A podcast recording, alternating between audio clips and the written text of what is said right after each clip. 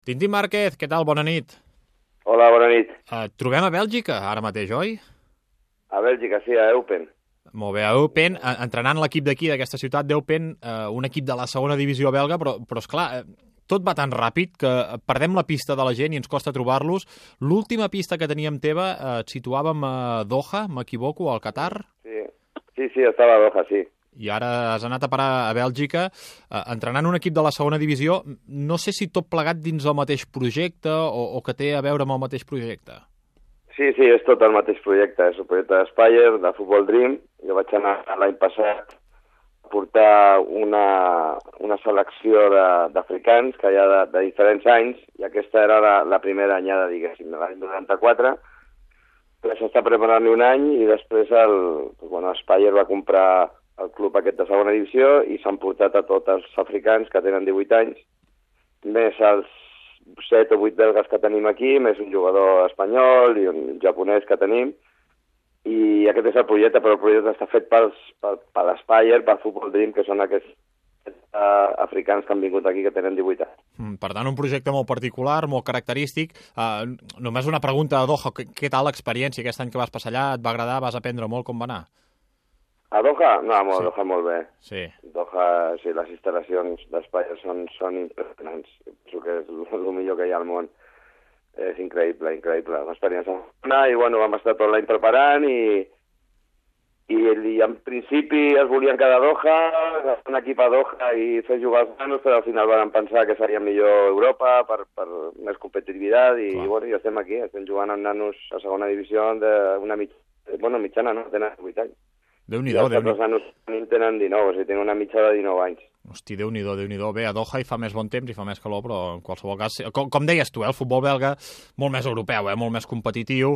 Uh, clar, competim amb una mitjana de, de nanos d'edat de, de 18 anys, de 19 anys, suposo que és molt complicat, no? Deu ser com competir un filial, potser, no? Sí, bueno, pitjor encara, perquè tingues en compte que aquests nanos no han jugat mai un partit oficial. Només aquests nanos durant tres anys han estat a Senegal, a l'escola que, que té Futbol Dream i Espai a, a Senegal, i aquests nanos no han competit mai, són nanos agafats de, del carrer, són nanos agafats d'una selecció molt gran, de molts països d'Àfrica, però són nanos que no han estat en, en cap equip i no han jugat mai tres punts. I clar, fotre-los directament a jugar a segona divisió amb una categoria que no, no és excessivament forta, no és comparable a la d'Espanya, però segona divisió, on ha, en equips que han baixat de la primera, hi ha jugadors experimentats, eh, no és fàcil, no és fàcil, però la veritat és que els nanos estan adaptant molt bé i, i conjuntament amb els belgues que, que tenim nosaltres, hi ha alguna incorporació que t'he dit, com a l'Irossi, uh -huh. que estava a Girona, a Sabadell. Sí, i tant. Nosaltres, estan nosaltres, doncs, bueno, amb això doncs, bueno, anem, anem, anem tirant, anem tirant, anem a la meitat de classificació, i la veritat és que l'equip està jugant molt bé a futbol. Trobo interessantíssim, eh, aquest projecte. Algun dia que estiguis per aquí has de passar per aquí a Catalunya Ràdio a explicar-nos-ho bé. Eh, eh, em queden alguns dubtes. Eh, per exemple, eh, el, el xoc principal per a aquests nanos ha estat més psicològic, més de qualitat, més de competitivitat. Eh, ara t'ho deies, mai havien competit per 3 punts i ara que s'hi troben... Sí com Home, està? és una mica la competitivitat, no? O sigui, mental... jo ja he estat un any treballant i explicant-li que és un professional i com s'ha de comportar i que hi ha tres punts i que els tres punts si no es guanyen ja, ja, ja no tornen més, que en un torneig doncs a lo millor si perds un partit i ganes l'altre pots agafar la final. O sigui, explicar-li una mica el que és el futbol, no? Però la veritat és que estic sorprès perquè els nanos eh, ho estan agafant molt bé. Clar, eh, dintre del partit ja pots imaginar que hi ha moltes circumstàncies de, de, de joc que encara no la domina, perquè clar, aquests nanos porten ara 15 partits. Ja. Yeah. I hi ha situacions, hi ha gols que ens fan que és quasi impossible, que, però bueno, eh, això forma part de, de l'aprenentatge d'aquests nanos i, i la veritat que m'ha sorprès perquè estan competint molt bé, molt bé. Molt interessant, molt interessant i convé això que, que en parlem amb calma. Per cert, de la Lliga aneu bé o com estan responent almenys pels resultats? No, anem bé, anem bé. La sí? veritat és que anem, a, anem al, a la meitat de la classificació. Ara portàvem una ratxa molt bona, portàvem 8 partits sense perdre, i la setmana passada vam perdre amb el primer, un equip molt fet, i, però bueno, van jugar molt bé. La veritat és que... Mira, et donaré una referència, perquè aquí, ha, aquí, ha, aquí fan estadístiques de la primera volta, o sigui, de la primera mm. part i la segona part. Sí. A la primera part anem líderes destacats, però a, a 4 o 5 punts què passa? Clar, la segona part ahir manca ja una mica d'experiència per al partit, saber quan has de fer una falta, quan... M'entens, no? Sí, sí, sí, I clar. llavors a, a, a, a, a la classificació real estem a la meitat. Ja. Però és una, és una data important perquè, perquè els partits a la mitja part anem- guanyant el 95%. Hosti, doncs Però sí, sempre sí. ens escapa a l'últim minut, faltant poc, l'experiència, no fem una falta, no... Saps? Eh, però bueno, Sí, no, no, m'agrada, m'agrada, m'agrada. Aquests detalls que deies tu de veterania, de- Ah, de- d'experiència, es noten, això, es noten. Això, això, això. Molt bé. Escolta'm, i tu tens temps aquí per... tens temps lliure per fixar-te en el futbol de d'altres lligues? Segueixes l'Espanyol des d'aquí? Sí. Pots veure la Lliga? Sí, home. Sí, sí, sí, sí, sí, sí, ho sigo tot, tot. A més, aquí el futbol espanyol es veu tot. Ja. M'imagino que, que, clar, eh, des de la distància potser es pateix més, perquè la temporada de l'Espanyol està sent complicada en tots els aspectes, eh? Sí, la veritat és que molt complicada. Aquest any ha sigut al revés. Eh, els últims anys han sigut la primera volta molt, molt, molt, molt, molt bona i aquest any pues, la primera volta ha sigut dolenta i esperem que la segona sigui com les primeres voltes que s'han fet els últims anys. No? Veuràs el partit d'aquest diumenge al, Bernabéu? Seguríssim, perquè nosaltres juguem demà a la tarda, el diumenge quedaré a casa a veure el futbol. Els dos partits, que són molt interessants, l'Espanyol del Madrid i el el Madrid-Barça. I tant, i tant que sí. No sé si saps que en les últimes 11 temporades al Bernabéu l'Espanyol només ha puntuat en una ocasió. I em sembla que et sona. Sí, sí. Aquesta ocasió t'ha de, Sí, sí, de sí. sonar, eh? Sí, vam empatar 2 a 2, sí. Sí, Va m'explicava un gran partit, la veritat. m'explicava l'Albert Benet que això, Albert, que va ser aquest partit amb el Tintín Márquez a la banqueta, oi? Sí, sí, va ser un partidàs amb gols de Luis García i Tamudo. Eh, Tintín, què recordes de- d'aquell dia al Bernabéu? No, doncs la veritat és que van sortir sense complexos i es van avançar al marcador 0-1, una- eh, 0-2 em sembla que anaven, 1-2 i després es va empatar Raül. Van fer un partit molt maco, un partit per, per guanyar, més jugant a futbol, molt, molt satisfet d'aquell partit, molt, molt, moltíssim. A més, el, el Tintín sempre li ha agradat el tracte per la pilota, no? Sempre ha apostat pel bon futbol i fins i tot al Bernabéu vam veure un espanyol molt atrevit, res de eh, tancar-se al darrere. Sí, com sempre feia, però al final no vaig tenir sort i els resultats no van acompanyar, però sí, la veritat és que la meva idea, i serà sempre la mateixa, eh? no la canviaré, no la canviaré, és la manera de- de- d'aconseguir el futbol que tinc i no la canviaré. Va malament? Doncs mala sort, amb un altre puesto. Clar, a veure a- si, si, si pot ser. Ara ara recordàvem aquell empat al Bernabéu eh, i, i a la memòria, o, o sempre pengem l'etiqueta aquesta a l'Espanyol, que contra el, contra el Madrid no puntua. El que passa que la majoria d'equips al Bernabéu no puntuen. Eh, és molt complicat, eh? També esperar que aquest diumenge l'Espanyol pugui sumar no és impossible, però és complicat. Home, és complicat. És complicat i més ara tal com està el Madrid, que jo no m'acaba de, de, de... Quan passa que en aquestes coses el Madrid sempre té una cosa. Quan hi ha dubtes, quan de no sé què, hi ha algun aquí que la paga. I això és la por que tinc el diumenge.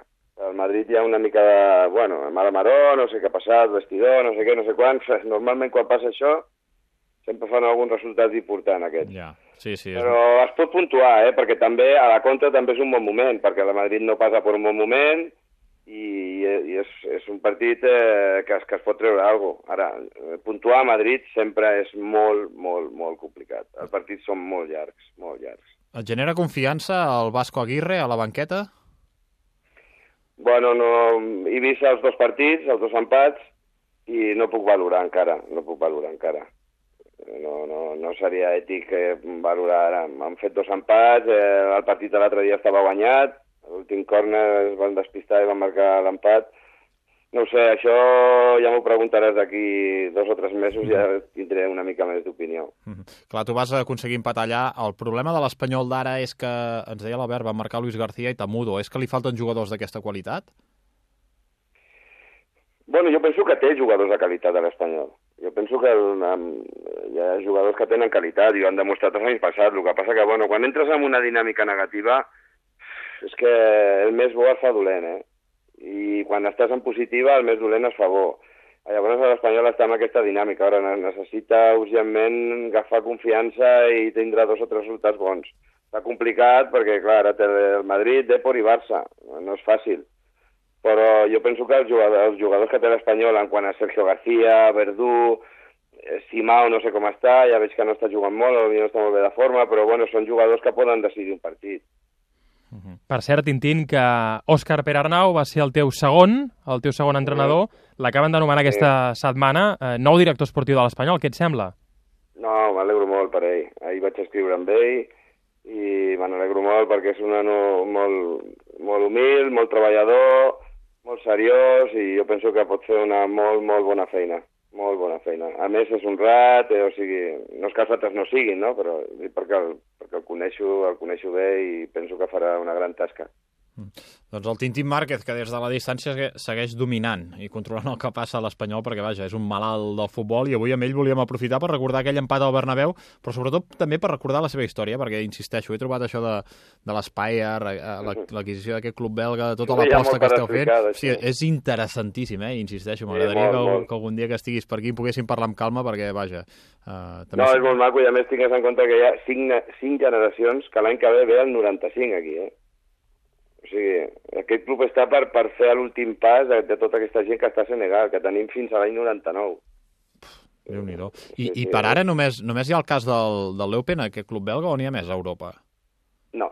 Només aquest, aquest. és l'únic club, no, el club al món. On hi hagi, on estiguin competint a segona divisió nanos una mitjana de 18 anys, no hi ha cap equip al I, món. I hi ha intenció de que hi hagi més clubs o per ara n'hi ha prou? No, no, jo penso que de moment amb aquest club ja, ja fan el, el pas que ells volien, no? de, de, de passar aquests nanos del carrer al, al professionalisme, perquè són professionals aquí, uh -huh. aquí la lliga és professional. Llavors, eh, jo penso que no. Jo penso que és anar passant fornades i aquests nanos, la intenció és, si algun equip bo ve a buscar-los, és que se'n vagin. O sigui, no, no, però no, no a la nit de, de, de lucre, de, de guanyar. Ja, ja, ja, no, no, no, de, de formar jugadors, sí, sí. Ah, exactament, i que diguin, pues mira, aquest jugador, no sé, si està jugant al, no sé, on diria, al Manchester, oi, d'on ha sortit aquest, pues de l'acadèmia Spire? Clar. Jo penso que això és com, els cataris és el que valora realment, no que traspassin un jugador, perquè jo penso que, que no, és, no és aquesta la seva intenció. Això és una obra social que han fet i, i han arribat fins al final, imagina't. Tenir mm. un club professional on tens 16 jugadors africans sí, sí. de 18 anys... Tanques el cercle, no, no, sí, sí. No és fàcil. I tant, i tant. No és fàcil. Va, va, que ens passaríem la nit parlant de futbol i, i tu toca descansar sí. i nosaltres acabar de tancar el programa. Escolta'm, Tintín, que us vagi molt bé partit demà, que et vagi molt bé la temporada, quan vulguis en parlem amb calma i, i en fi, que, que l'Espanyol repeteixi almenys empat aquest cap de setmana al Bernabéu. Sí, un empat, empat al Bernabéu no és bo, no? Seria, és boníssim. Seria fantàstic. Molt, moltíssimes gràcies. A tu, moltes gràcies. Adéu. Vinga, adéu, adéu.